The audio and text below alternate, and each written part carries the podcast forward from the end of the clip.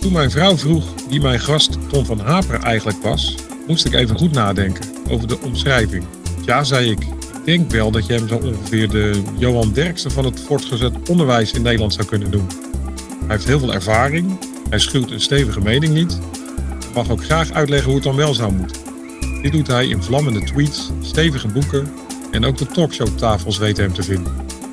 Ik ben benieuwd naar de achtergronden van deze op- en top onderwijsman. Waarom is hij eigenlijk het onderwijs ingegaan?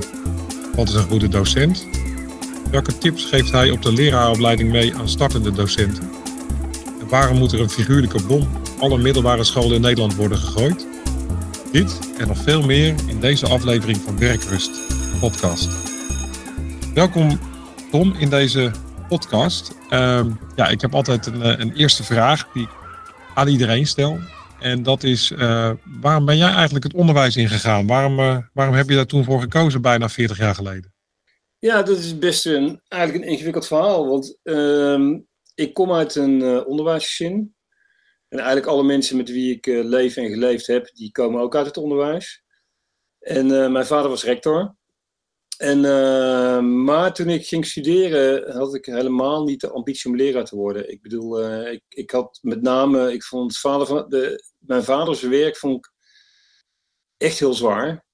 Uh, er wordt er wel eens makkelijk over gedaan, maar schoolleider is geen makkelijke baan. Mijn vrouw is het nu ook. En ja, ik zie eigenlijk dezelfde patronen en dezelfde dingen. Dus ik had zoiets van, nou, het is ook wel een beetje een moeras, dat onderwijs. Dus ik ga iets anders doen. Maar ik studeerde politicologie. Uh, ik heb politicologie en ook economie gestudeerd. En uh, ja, het was gewoon 1985. En het was de no future tijd. En uh, alle babyboomers zaten op de banen en uh, er, kwam gewoon, er was gewoon geen werk. Dus uh, ik weet nog dat ik denk een brief of 60, 70 verstuurd heb voor banen. Er was één, één baan waar ik mocht komen, het is echt waar. En dat was in, de, dat was in Eersel op een school. Ik werk daar nog steeds drie dagen. En een ontzettend fijne school. En ik kon daar komen werken. maar dan moest ik iemand vervangen, want die ging, ja, zo'n boomer, die ging naar Aruba. En die oh, ja, had besloten om drie weken weg te blijven, of drie weken, drie jaar weg te blijven. En als hij terugkwam, moest ik weer weg. En eigenlijk vond ik dat te gek, want ik dacht van, nou, dan ga ik gewoon wat lesgeven, uh, kan ik gewoon leven. En uh, nou, prima. En uh, na drie jaar ga ik weg. Dus ik begon ook, ben ik de eerste les begon, ik zei, ja, ik ben hier. Ik doe het even, maar na drie jaar ben ik weg. En ehm, ja, dat is niet gebeurd. Die man die in Aruba zat, die had het ontzettend naar zijn zin. En die is gewoon gebleven. En, en ik ben ook gebleven. Dus het is eigenlijk een win-win situatie. En, ik ben gebleven omdat want aan het eind van het eerste jaar kreeg ik best wel. Het ging heel snel. Dat die uh, half jaren tachtig gaat ineens die economie veranderen. En kwam, uh, kwam groei en werk. En ik kon aan het eind van het eerste jaar kon ik bij een bank gaan werken. Bij de, Rabobank. En, maar ik dacht, ja, ik heb het eerste jaar zo geïnvesteerd. En het was zo leuk dat ik ja, dat ik gebleven ben, eigenlijk. Dat is, zo is eigenlijk gegaan. Ik was gekozen, aan het eind van het eerste jaar, dat is wel heel, dat is wel heel pedant, maar dat is echt waar. Ik was gekozen tot de leukste leraar van het jaar in school. Dus dat, uh, ik vond, vond, het echt geweldig, van begin af aan. Terwijl ik moest werken, jongen, niet normaal. Maar ik, ik uh, ja, ik vond het echt ontzettend leuk. Ik, ik begon met, uh, en, en was, ik had denk ik, ja, dat was een 0, dat, dat deed ze toen niet, 0, zoveel baan. Ik had 27 uur en je moest er 29 geven voor een uh, volledige baan. Ik begon gewoon van 0 op 27. Dus, uh, maar ik had wel stage gelopen en, was, en ik was wel opgeleid. Dus dat was wel goed. Dat ik, in die stage had ik echt gemerkt dat er dingen in zaten die, moest ik niet doen. En dat zei ze ook. Als je dit doet, dan, uh, dan geven we je geen diploma. En dus echt wel, ik moest echt wel even de puntje op de i zetten. Dat zou ik iedereen kunnen. Ook zij en stromers met name. Dus uh, je moet wel even merken van wacht even, dit gaat niet. Maar ja, daarna was het dus echt, uh, ook in die eerste jaren, zo'n goede herinnering aan, jongen. Echt uh, leuke tijd. Met die kinderen, ze kwamen bij me thuis, dronken mijn bier op. Um, ja, was fantastisch. Echt. Als, als ik nu zou vragen aan de leerlingen van, de, van het eerste jaar, hoe zouden ze dan de docent Ton van Haper omschrijven als uh, meer dan alleen met dronken bij hem thuis een bier op en, uh, en het, is, uh, het is een topgozer. Hoe zouden ze jou omschrijven als docent? Nou, ik was wel, ik had dus wel, ook door die stage en door waar ik vandaan kwam, had ik wel heel sterke opvattingen over hoe het moest gaan in de les, zeg maar. Dus ehm uh, ik, ik, was wel, uh, ik accepteerde niet echt raar gedrag, dus ik was wel vrij confronterend. Ik was toen, denk ik, in mijn uitingen strenger en uh, terwijl nu gaat het vanzelf, hè? dus toen, toen moest ik dat nog echt uitspreken. dan, dan nu, maar ja, ze hebben, ze hebben het wel volgens mij, ja, dus kijk, even, moet het niet mooier maken dan het is de leerlingenpopulatie en wat ze van leraar vinden zijn natuurlijk verder is vrij normaal verdeeld. Er zitten er altijd een paar bij die vinden je geweldig. En zitten er altijd een paar bij die vinden het helemaal niks. En de, het gaat om dat je de middengroep meekrijgt natuurlijk. En die waren wel enthousiast, die vonden het wel leuk. Dus uh, um, ja, ik denk ook wel uh, dat ze best wel economie geleerd hebben al. Uh, hoewel ik, als ik eerlijk ben, vind dat ik daar toen eigenlijk niks van kon. En dat ik dat, daar heb ik met name in de ontwikkeling in het vak leer je wel heel veel bij als je het curriculum een paar keer doorlopen hebt. Dat is wel echt een noodzakelijke voorwaarde voor succes. Dus uh, het was wel hard werken, maar ik, uh, ja, ik, ik verhuisde ook meteen. Ik, woonde, uh, ja, ik kwam gewoon naar een eerste wonen, een huis gehuurd. Ik kwam meteen naartoe gegaan. van, hij had niet eens een automan, die kon het niet betalen. Dus ik, alles op de fiets en daar zijn. En ja, dan ben je er ook echt. En ik vind eigenlijk dat het ook zo hoort. Een, een, een, leraar hoort verbonden te zijn met de omgeving, met de mensen. Ook een rol te spelen in de samenleving om die school heen. En uh, dat is het beroep. Het is gewoon een belangrijk beroep. Ik bedoel, uh, dat is. Uh, en uh, ja, wat ik al zei, ik, heb, ik, heb, ik vond het fantastisch. Ik vond het echt. en wel hard werken, wat ik ook in het bezwaar van de leraar beschrijf. Het is gewoon echt gebeurd dat ik ik, dus dat ik de eerste tijd tot de, de herfstvakantie en maar werken, werken, werken, elke avond tot 11 uur voorbereiden. Want ik snapte vaak ook niet wat nou precies de bedoeling van het sommetje was. En moest het dan zelf maken en denk van, hoe vertel ik dit nu weer en zo. En, uh, maar de, voor de herfstvakantie vergeet ik nooit, ik dronk vrijdagavond vier pilsjes in de kroeg. En ik, was, ik, ik ontmoette de volgende ochtend de moeder alle katers. Ik was helemaal bloot gewoon. En die hele, die hele eerste herfstvakantie er van, ik had twee vijf havenklassen, um, twee zes VWO-klassen, van vier klassen lagen er, tegenwoordig heet dat schoolexamens, toen heet dat schoolonderzoek en die moest ik helemaal nakijken.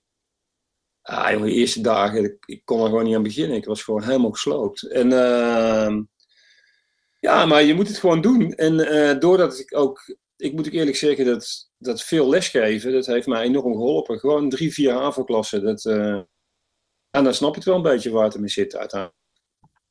Dus uh, ja, mooie tijd. Ton, jij bent ook, uh, jij bent ook uh, opleider, docentenopleider. Als, ja. jij, als jij nu als, als opleider mee zou kijken bij de Ton van toen in de klas, wat zou je hem dan meegeven? Wat zou je dan bij zo'n evaluatie na zo'n dag, wat zou je hem dan als tips en tops geven? Nou, ik vind altijd dat je in je, ehm, als opleider in je feedback heel beperkt moet zijn. Dus, dus hooguit uh, één à twee punten moet noemen. En wat altijd beter kan bij beginnende leraar, ook bij mij, is dat ik was in het persoonlijk contact denk ik wel goed. Dat ging wel prima, ik kon met die kinderen opschieten. Maar in het contact via het vak en het leren uh, was het denk ik behelpen. En ik denk ook dat um, ja, het, het vooral de omgang met het vak en dat verbinden kinderen kunnen en weten, dat ik daar meer over moest nadenken. En ook in de vorm van controleopgaven, checken of ze het wel echt geleerd hebben. Daar zit, eigenlijk zit het hem in uh, het moment dat je kan lesgeven, niet alleen via de relatie en taakgericht, dat is heel zwaar namelijk. Maar het moment dat je dat kan via de inhoud en wat we aan het leren zijn en we doen het samen, ja, dan wordt het werk gewoon veel lichter. En uh, in de eerste paar jaar kun je dat gewoon nog niet. Dat is te moeilijk. Dus dat betekent dat je echt zit van, het taakje moet gedaan zijn, ik, mijn uitleg moet goed zijn. En ik moet vertellen wat goed en fout is. En vastleggen wat het wel is en wat het niet is. En dat deed ik ook. En daar is ook niks mis mee. Maar het is te beperkt. Het is heel zwaar. Als je dat zes, zeven uur achter elkaar moet doen. En dat moest doen. Uh, dan uh, ja, ben je, ja, moet je als je thuis komt er wel even gaan zitten, toch? Uh, dus, dan, dus, dat, dus dat is het is net als met voetbal. Je moet uh, uiteindelijk uh, de bal niet brengen, maar je moet de bal het werk laten doen. Dat, uh, en, en, daarin zit denk ik ook de ontwikkeling van beginnende leraren. En, en het vind ik jammer dat het gesprek op school daar vaak niet over gaat. Het gaat tegenwoordig steeds meer over of je wel aardig bent voor die kinderen, of je ze wel ziet, of je ze wel begrijpt. Maar je ziet ze pas als je merkt wat we aan het doen zijn. Ik bedoel, ik zie ook wel dat de een paars haar heeft en de ander, uh, ander weet je wel, dat, daar kom ik allemaal wel uit. Dat is het punt niet. Maar dat je uiteindelijk met elkaar merkt van, we, we hebben het ergens over. Maar kun je eigenlijk even je eigen woorden vertellen wat de essentie daarvan is? Waar gaat het nu over? Waarom is het eigenlijk interessant en waarom is het belangrijk om te weten? Als je dat gesprek kan voeren, ja, dan zie je iedereen ook op een gegeven moment. Dan, dan, trekt die mist op, want dan ben je met hetzelfde bezig. En, uh, nou, en dat moest bij mij in het begin beter. En, uh, en daarom is het leraarschap ook een mooi vak. Het, het is ontzettend hard werken om daar echt goed in te worden. Dus, ja. uh, dus iemand die een jaar werkt en zegt van nou, het lesgeven snap ik wel. Uh, ik wil nou wel iets in het management gaan doen. Ja, dat is geen leraar. Dat wordt je ook nooit. Die gaat het niet worden. Nee, jij beschrijft het in je boek ook. Je hebt eigenlijk de kenniswerker en je hebt de jeugdwerker ook. Ja. Uh, hoe zou je jezelf toen omschrijven? Was je toen meer een jeugdwerker en nu meer een kenniswerker? Of uh, nee, moet nee, dat ja, in verhoudingen zien? Het is natuurlijk een schijntegenstelling. Het is iets wat me irriteert in de opvattingen, met name in bestuurlijke kring. Dat er een beetje een dédain is jegens kennis en routines. Uh, ook bijvoorbeeld het opleidingsniveau van leraren eigenlijk niet belangrijk vinden als er maar iemand voor de klas staat. En dan wordt het omgaan met jeugd wordt als het werk omschreven, als je maar leuk met kinderen om kan gaan. Maar ja, dat kan uh, iemand in het kinderdagverblijf ook leuk met kinderen omgaan. Dat is gewoon iets anders. Dus ben in beginsel altijd een kenniswerker geweest. Maar ik doe dat wel met jongeren. Dus ik moet wel met die jeugd om kunnen gaan natuurlijk. Dus uh, je, je moet het alle twee kunnen. Alleen bij mij begint alles bij wat ik doseer, bij de inhoud. En uh, iemand mag best zeggen van ik vind het niet interessant. En dan kom ik toch niet veel verder dan, ja, uh, het zit er toch even, zit even niks anders op tussen 10 over 11 en 12 uur, want dit is toch wel echt gaan doen. Dus, uh, en dan probeer ik het wel zo leuk mogelijk te maken, leuk, zo interessant mogelijk te maken in de betekenis van dat zij snappen waar we het over hebben. Ik denk dat als, als, als leerlingen het idee hebben van het gaat ergens over en het, ik kan het ook. Dus dit is die combinatie, dat is ja, een Amerikaanse onderzoeker Brophy heeft dat omschreven. Dus ik, ik kan het en ik weet ook wat het over gaat en het is misschien wel de moeite waard. Dan is motivatie in de klas ook helemaal geen probleem. Dat is echt zo. En uh, ja, behalve dat als iemand die in de war is en allerlei, weet ik veel wat, andere kwesties heeft. Maar voor 99% van de leerlingen, die, denk, die denken dan, nou, we zijn hier toch en uh, maken er het beste van. En dan gaat het gewoon hartstikke lekker. Ja. Dat is eigenlijk ook mijn ervaring. Ik meen serieus. Ik, bedoel, ik, ik ben dus begonnen 85, ik doe het nog steeds. En ik moet eerlijk zeggen dat ik lesgeven leuker vind. Um, het enige wat ik, wat ik vervelend vind is dat ik gistermiddag een, een of andere vergadering had over de koers die de school ingaat en inslaat. En vanmorgen op de universiteit een vreselijke vergadering. Uh, die maar duurde. Dat, dat, praten over het werk in algemeenheden, terwijl dat concreet in jouw werk eigenlijk weinig tot niks betekent. Ondanks het feit dat ik best begrijp dat die mensen dat wel willen. Uh, daar word ik, dat, dat vind ik wel met het ouder worden steeds moeilijker, om dat ook serieus te nemen. Welke rol neem je dan aan in zo'n vergadering, uh, Tom? Kan je dan gewoon met een kopje koffie achterover hangen en denken, nou het gaat wel voorbij? Of moet jij dan op een gegeven moment ook iets gaan vinden? Of hoe, hoe werkt dat bij jou? Nou, dat, dat is wel. Ik ben in de loop van de jaren wel veranderd. Dus toen ik jonger was en ook eigenlijk wel het gevoel had dat de schoolorganisatie mij iets moest teruggeven of dat we de wederkerigheid in de relatie zeg maar onderhouden. Toen was ik wel nog wel eens gefrustreerd, maar ik ben toen gaan schrijven en dat ging heel snel heel goed. Waardoor ik eigenlijk uit die frustratie kwam en op een andere manier uh, kon aangeven van wat ik van dingen vond. Dus nu ben ik daar wel veel relaxter in en ontspannender. Maar soms hoor je wel eens dingen dat je denkt van ja, ja dit gaat echt te ver. Ik bedoel, dit, daar moet ik iets van zeggen. Dit, dit kan niet. Dus dat is, uh, het zijn altijd absurde dingen waarvan iedereen die van buiten komt ook denkt van hé, weet je wel. Dus, dus gisteren maakte ik op die vergadering een opmerking over het feit dat er, er is vorig jaar 300 miljoen uh, geld vrijgemaakt voor werkdrukmiddelen. Um, die zijn het afgelopen jaar uitbetaald, maar het volgend jaar ja, worden werkdrukmaatregelen genomen. Ja, ik moet volgend jaar gewoon meer, meer les geven. Ik zei, dat is best gek. Als je geld krijgt om de werkdruk te verlagen en ik moet meer les geven. Dus ik zei, ja, kun je me even uitleggen hoe, hoe dat zit dan? Ik snap het nog steeds niet. Ik vind het verder prima. Ik geef die les gewoon, joh. Interesseert me helemaal niks. Maar ik heb wel zoiets van in dat systeem en ja, sinds die Sovjetisering van het onderwijs zo is doorgezet, krijg je allemaal dit soort hele malle dingen dat je denkt van ja, hoe krijg je het bedacht man? Ik bedoel, eh, je geeft 300 miljoen uit en je moet meer lesgeven en dan wordt je werkdruk minder. Ja, iedereen die dat kan uitleggen, succes ermee, maar ik snap het niet. Ja, het zal volgens mij heel eenvoudig te maken hebben dat we gewoon simpelweg niet de collega's hebben om aan te nemen om jou minder les te laten geven. Volgens mij uh, is dat het hele eieren Maar eh, maak die 300 miljoen over naar Algerije of zo, of uh, dan is dat beter, denk ik. Ja.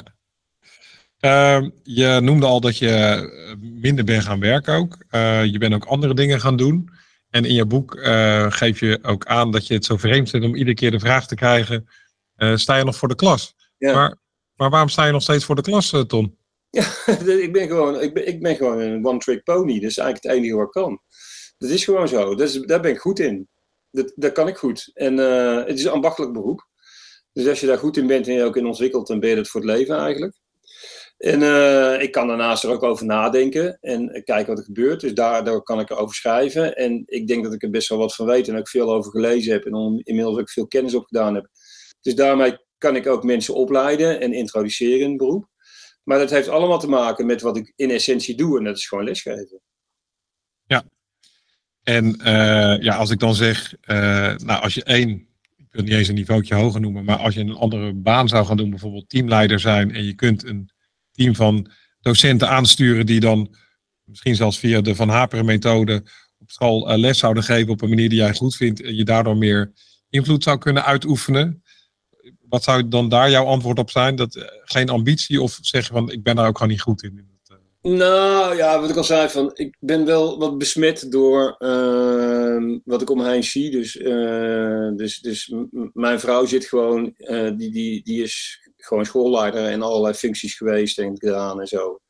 En die, nou, ik, ik, ik meen serieus, en bij mijn vader heb ik het ook gezien ik zou het wel kunnen. En ik denk als ik gevraagd zou worden, dat ze zouden zeggen van zou je. Dus als mijn, als mijn school in de problemen zou zitten. En er zou niemand zijn die daar iets moet doen. Het is mijn school. Dan zou ik helpen, dan zou ik het wel doen. Maar niet van harte, omdat ik het ontzettend zwaar werk vind. En dat kan ik ook wel uitleggen. Kijk, als je werkt met jonge mensen en je, je bent bezig met kennis en hoe de wereld in elkaar zit en dat soort dingen, dan zit daar een zekere Ondanks het feit dat iedereen altijd denkt dat pubers negatief zijn. En dat is helemaal niet waar. Ik bedoel, die zijn best geïnteresseerd. Die willen best wel weten hoe het zit. En uh, die willen ook best hard werken. En die hebben nog niet die, die, die, die rugzak met onvervulde verlangens om hun nek hangen. Hun leven ligt nog voor ze. Um, zij gaan gewoon de wereld in. En, dus dat betekent dat, dat het eigenlijk heel prettig werk is. Terwijl ik vind, als je leiding moet geven aan leraren, dan geef je leiding aan mensen. Uitkijken, want collega's worden altijd heel kwaad als je dat zegt van mensen die daar eigenlijk vaak niet weggekomen zijn. En die dus wel heel veel onvervulde verlangens hebben. En dat ook voortdurend uiten. En door allerlei irrationele um, draden rond frustratie door in het contact lopen. Van waarom heb jij die baan wel en ik niet? En, en dat soort dingen. En ik, ik, heb het, ik heb het thuis gezien. Ik zie het nu weer. Ja, dit, dat is iets wat ik inderdaad heel slecht kan, omdat ik dan vrij snel toch wel uh, in de stand kom van, ah, als je kopman, doe gewoon je werk en hou op met zeiken. En daar red je het niet mee in die baan. Je zult mensen toch wel moeten binden en, uh, en ik denk dat er dan wel wat mensen bij lopen waar ik helemaal geen zin heb om daarin te investeren en uh, die zich aan mij binden. En dan ben ik wel, dan word ik wel heel snel zwart-wit en ja, dan moet je dat maar niet laten doen, denk ik. Ja, nou ja, kijk, dat is een manier om invloed uit te oefenen op een uh, groter terrein. Maar jij hebt andere manieren gevonden ook. Je hebt al sinds 97 heb je een column in het eh, AOB-blad. Dat zeker als collega's bij ons op school het ermee eens zijn. Die prijkt dan pontificaal op het, op het prikbord. Dat is goed. Die is, die is zelfs nog gekopieerd. Komt je ook nog her, her, en der op de tafel te liggen. Je hebt bij mij weten twee boeken geschreven ook. Ja. ook, nog, ook nog een platform. En al beter doe je ook nog iets mee in, in de politiek. Ja. Ehm, laat ik eventjes gewoon de gemeente delen nemen van al die andere platforms die je voor jezelf hebt gecreëerd. Wat brengt het je? Wat, uh, wat heeft het je opgeleverd om je op uh, die terreinen uh, zeg maar meer te laten horen? Nou ja, ik, ik vind dat het in het voorhuis, dus met de middelbare school, gewoon niet zo goed gaat. En uh, ik bedoel, als je kijkt naar het lerarentekort waar iedereen het nu ineens over heeft in het VO, bestaat dat sinds 1995. En sindsdien ontwricht het ook. En uh, zowel de kwalitatieve als de kwantitatieve component. Uh, kinderen leren daardoor minder. En dat betekent dat wat je van thuis leert, dat, dat steeds belangrijker wordt. Ja, ik vind het echt maatschappelijk onaanvaardbaar. Ik bedoel, dat, is echt niet oké. Dus een beetje, in wezen ben je dan een feodale samenleving. Dat, dat, je afkomst je school en maatschappelijk succes uh, bepaalt.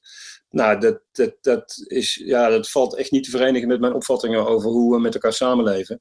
Dus daar vind ik wel dat ik mijn ja, verantwoordelijkheid klinkt zo groot. Maar ik, uh, kijk, als het aantal slechtlezende 15-jarigen in 2010% is en nu 24 denk ik dat we wel een probleem hebben met z'n allen. En dat dat uh, anders moet en volgens mij ook heel makkelijk anders kan.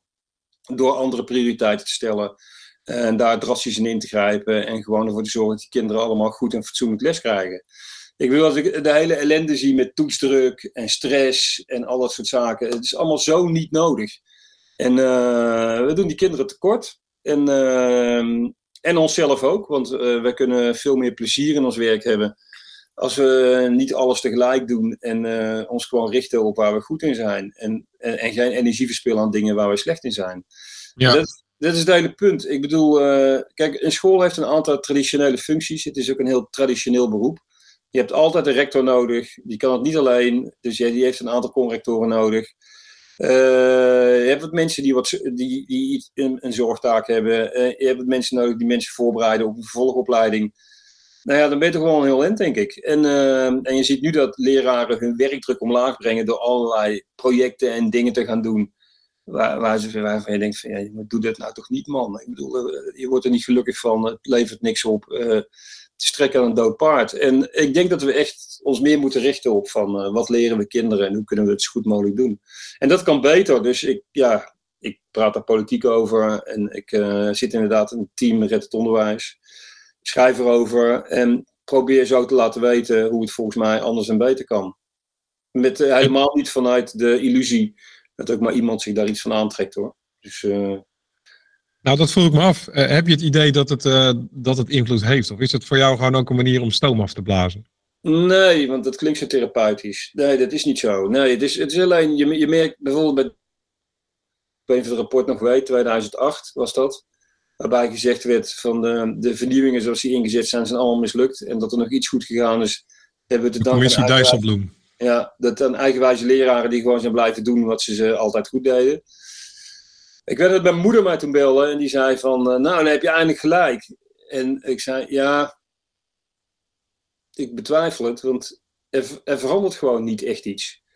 Dus, uh, dus, dus, dus ik denk wel dat ik het ook ik, ik heb het overzicht wel, ik heb er heel veel aan gedaan. Ik weet er inmiddels ook gewoon echt heel veel van. Dus uh, makkelijker om uh, daar dingen over te zeggen en te schrijven. En uh, ja, wat ik al zei, het is voor mij nooit de bedoeling geweest om te zeggen dat iedereen moet doen wat ik vind. Maar ik wil wel dat er meer gepraat wordt over waar we mee bezig zijn. Dat vind, dat vind ik wel echt heel treurig hoor. Dat uh, onder leraren wat dat betreft toch wat weinig opwinding en beroepstrots is. Wel in de leraarkamer met de deur dicht, zeg maar kan een eh, leraar kunnen prima met elkaar klagen. Maar um, de boel een beetje mobiliseren en zeggen van dit doen wij dus niet, want het is geen goed plan. Dat is wel iets wat ik wel, vind ik wel jammer. Hoe zou dat komen? Ja, dat, ik, ik vraag het me af. Ik heb echt geen idee. Ja, ik heb, kan er wel verklaringen voor bedenken, maar dan krijg je van die grote stappen snel thuis. Van, eh, je kunt het koppelen aan bestuurscultuur, lumsum, uh, gewoon heel erg op afstand gezet zijn. Uh, niet meer precies weten wie je moet aanspreken. Het idee hebben, het wordt boven mij door heel veel mensen geregeld. Ik heb er toch niks op te zeggen. Dat soort dingen. Maar dan nog denk ik altijd dat het getal wint altijd. Ik bedoel, we zijn met z'n allen, als we met z'n allen zeggen: dit doen we niet, gaat gewoon niet door. Dat is, heel simpel. Nou, en dat zie je eigenlijk nooit. Zou het ook kunnen, Tom, dat uh, heel veel collega's het ergens ook niet als een probleem ervaren? Dat ze ook denken: ja, dit is eenmaal zo. Zeker ook de startende collega's, die komen ook gewoon in de huidige situatie.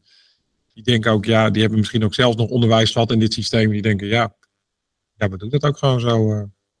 Ja, nee, dat, dat, kan natuurlijk. Ik bedoel, als je eenmaal, eenmaal maar volgens wel dat je op de werkvloer daar iets van averechts selectie krijgt. Want het beroep is niet echt wervend. En op die manier. En iedereen die, ja, die, die, die weg kan, gaat dan ook weg. Ik bedoel, een, mannetje, was wel een debat in de Bali. En die vertelde mij, die was een leerling, was ook een leerling was er naartoe gekomen. Vond ik ontzettend leuk trouwens. Ontzettend aardige gozer. En die zei tegen mij, ja, zegt hij, ik heb gewoon een leraar gehad. Die zette dan YouTube-filmpjes aan van, waarin het werd uitgelegd. Die ging ernaast zitten.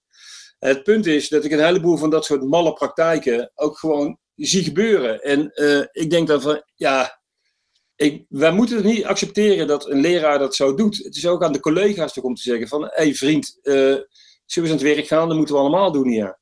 Maar allemaal dat soort, ja, het is wat dat betreft wel totaal gedesintegreerd. Het kan allemaal. En uh, alles mag. Dus echt iedereen, kan, iedereen kan doen wat hij wil. Behalve als er klachten van ouders zijn en als ze aan het TL-buisje hangen en ze vallen eruit. Dan, mag het, dan heb je een probleem. Of als kinderen 2,8 gemiddeld halen, dat is ook niet goed. Maar verder mag alles. Het gaat gewoon ongestoord door. En ik, ik vind dat echt zo verbazingwekkend. Ja. Uh, nou, ik vroeg je net uh, af. Uh, ik vroeg je net wat brengt uh, het je om op al die platformen ook, nou toch ook je gewoon heel stevig je mening ook te geven. maar wat kost het je? Heb je ook nog het idee, is er ook nog een soort schaduwzijde van die medaille? Nee, dat is hartstikke leuk man. Ik bedoel, een beetje praten over onderwijs, over het werk en daar iets over zeggen of schrijven en dan, nee prima.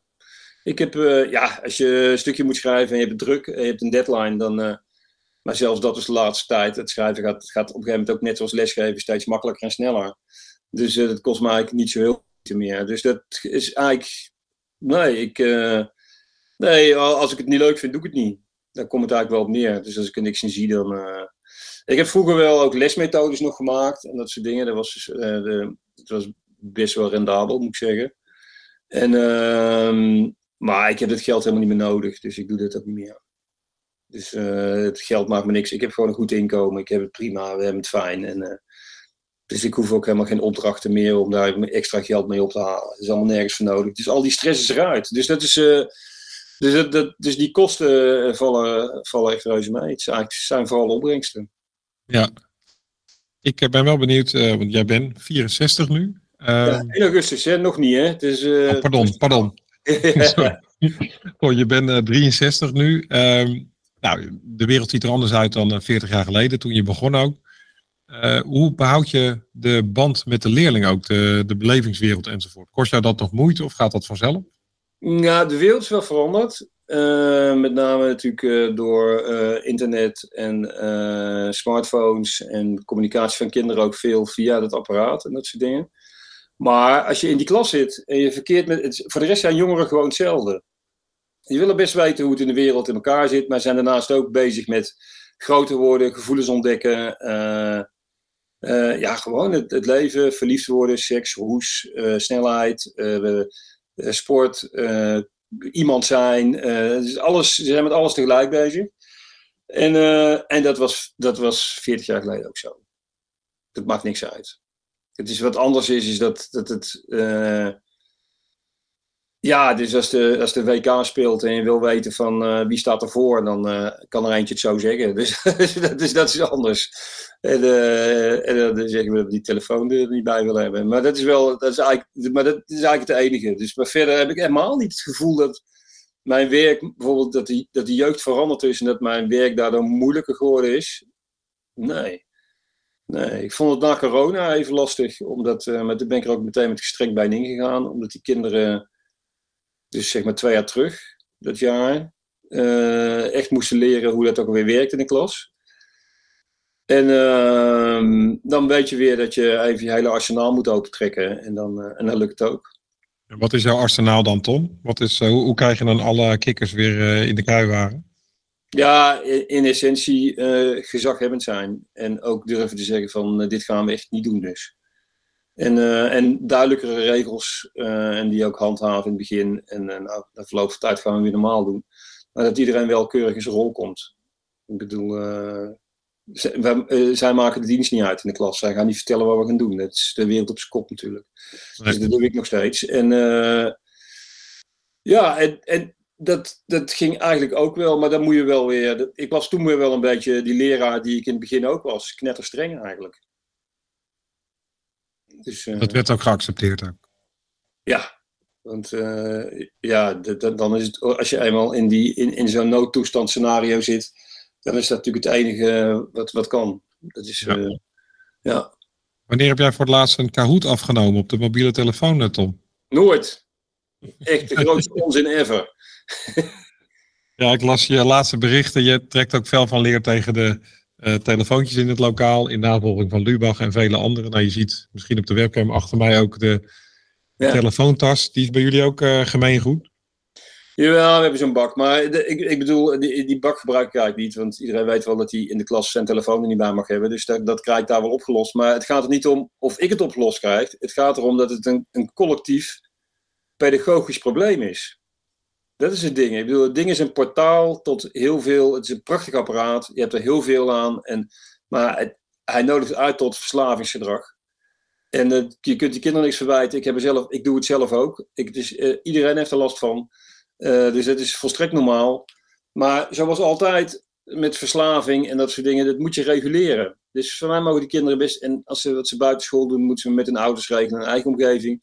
Maar op die school is hij één, niet productief.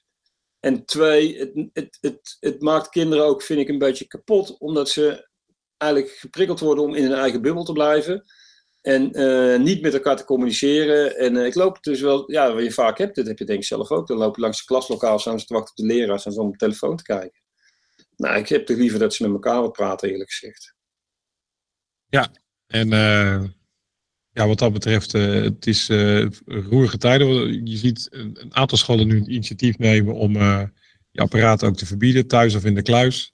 Hoe is dat bij jullie op school? Is daar al enige aanzet toe? Nou, nee, we hebben, het, we hebben het er wel over gehad, maar we hebben geen beslissing genomen, omdat dan, uh, ja, de rector moet weer met de MR praten. En maar dat, dat is ook iets wat minder. Iedereen praat met iedereen en, uh, en ondertussen komt er geen beslissing. Terwijl ik denk, als we nou gewoon even afspreken dat we vanaf het volgende schooljaar dat nou eens een jaar proberen. Weet je wel, probeer het gewoon een jaar. Dus kijken of het bevalt. En, uh, en op veel scholen zie je dat gebeuren en dat vind ik heel positief.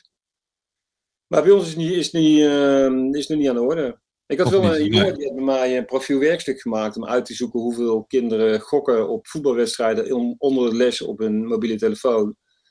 Ja, van die jongens uh, in de bovenbouw was dat toch uh, ongeveer de helft, geloof ik.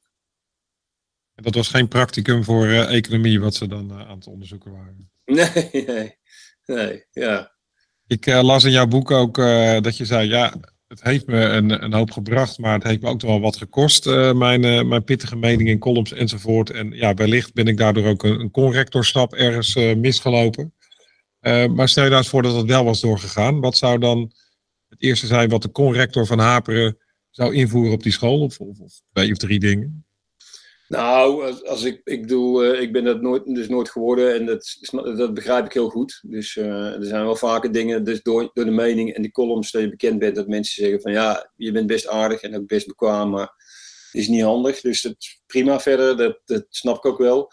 Maar als, uh, als ik in een leidinggevende functie zou zitten, ja, ik zou, ik zou wel beginnen met kijken eerst kijken wat iedereen aan het doen is. En dan van daaruit uh, kun je met mensen gaan praten over wat zijn wij aan het doen. Uh, is dit handig? Uh, zou dit anders kunnen? Wat is er van bekend? Ik vind het heel belangrijk om ook kennis te delen en ook het aan mensen zelf te laten. En um, wat ik wel vind is dat degene die.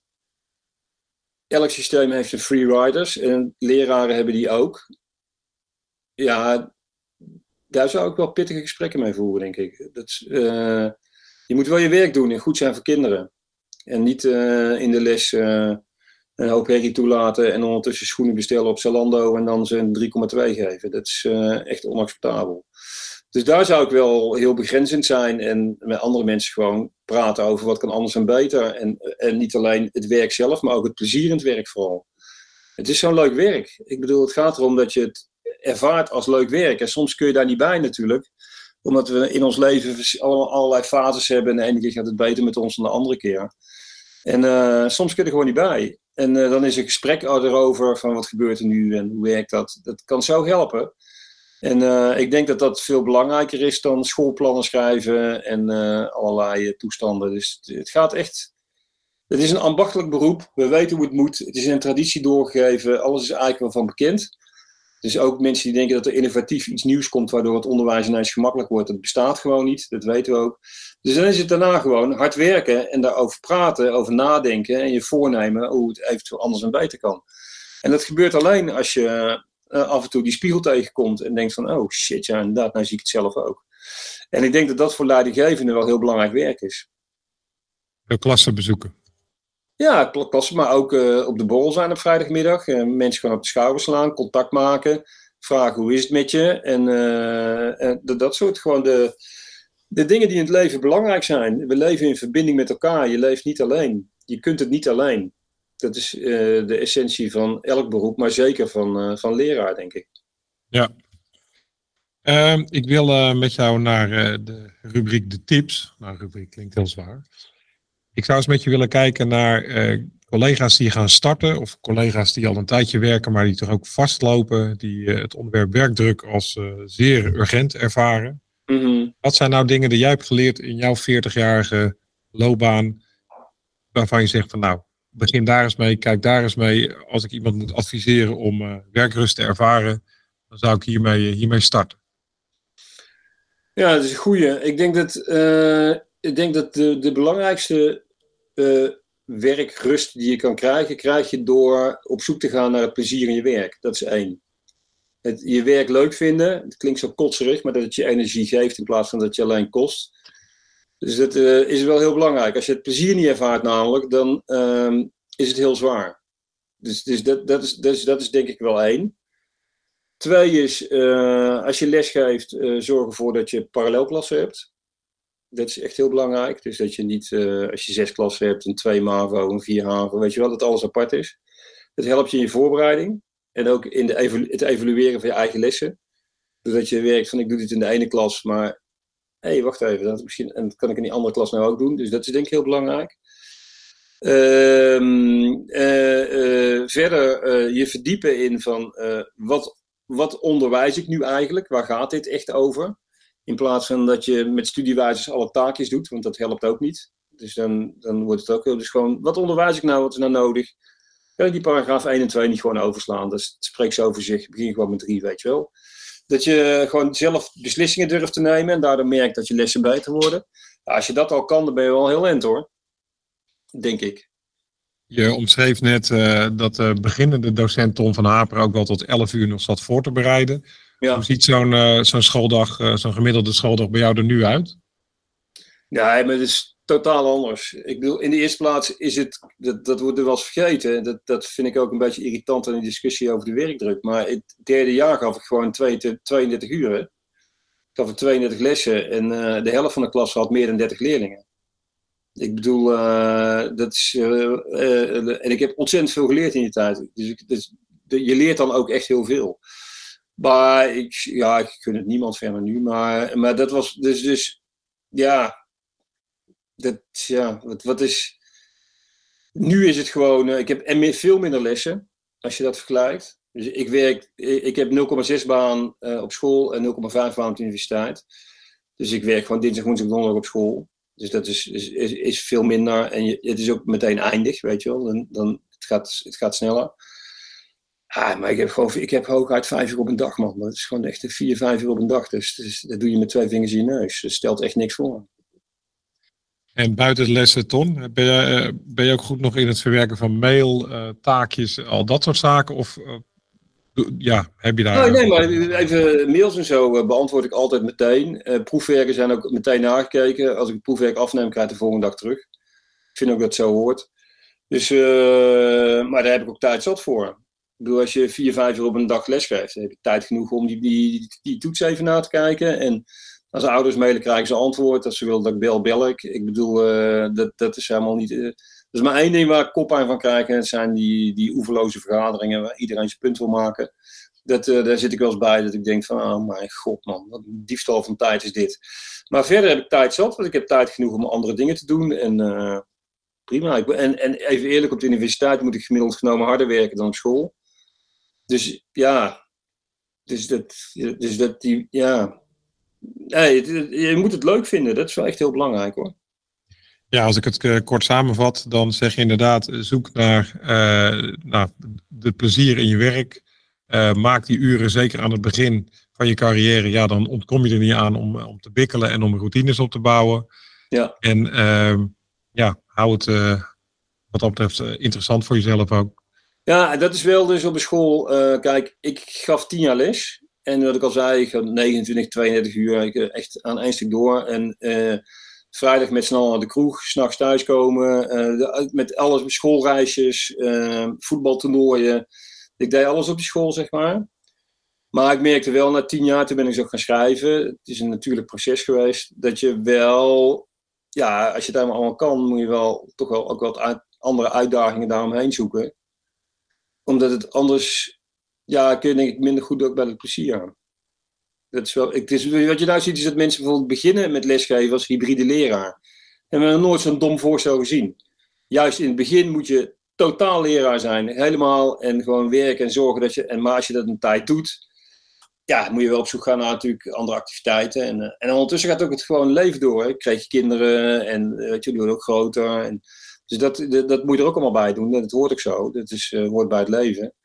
Dus uh, nou, wat dat betreft is het onderwijs ideale baan. Vond ik toen het uit. Ben ik serieus. Ja.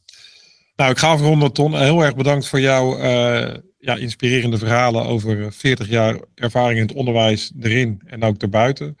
Ja, en als iemand jou nog de vraag zou stellen, hoe lang blijf je nog in het onderwijs? Wat zou je daar dan op antwoorden? Ja, dat is wel een serieus probleem. Ik rijd, 30 juni rijd ik naar Lyon om Bob Dylan te zien. Die is 81. En uh, die treedt gewoon nog steeds op. En dat is wel mijn voorbeeld. Uh, gewoon doorgaan tot ophoudt.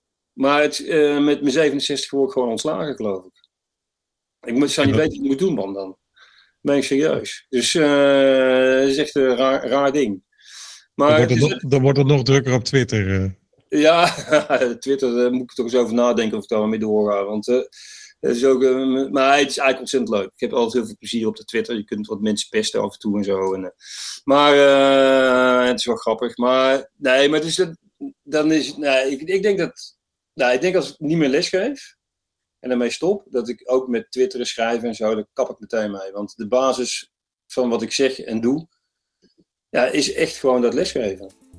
Daar komt het vandaan, daar heeft het mee te maken. En de rest, nou, dat is niet voor mij, denk ik. Dus Nee, zo doen we het. Dus doorgaan. Ik denk dat ik dan bij een uitzendbureau ga werken of zo, weet je wel. Wat vervangen of uh, dat soort dingen. Dankjewel, uh, Ton. Ik uh, startte met jou te, vergelijken, te vergelijken met de Johan Derksen van het onderwijs. En we eindigen met de Bob Dylan van het onderwijs. Ik denk dat we het cirkeltje aardig, aardig rond Bob is beter.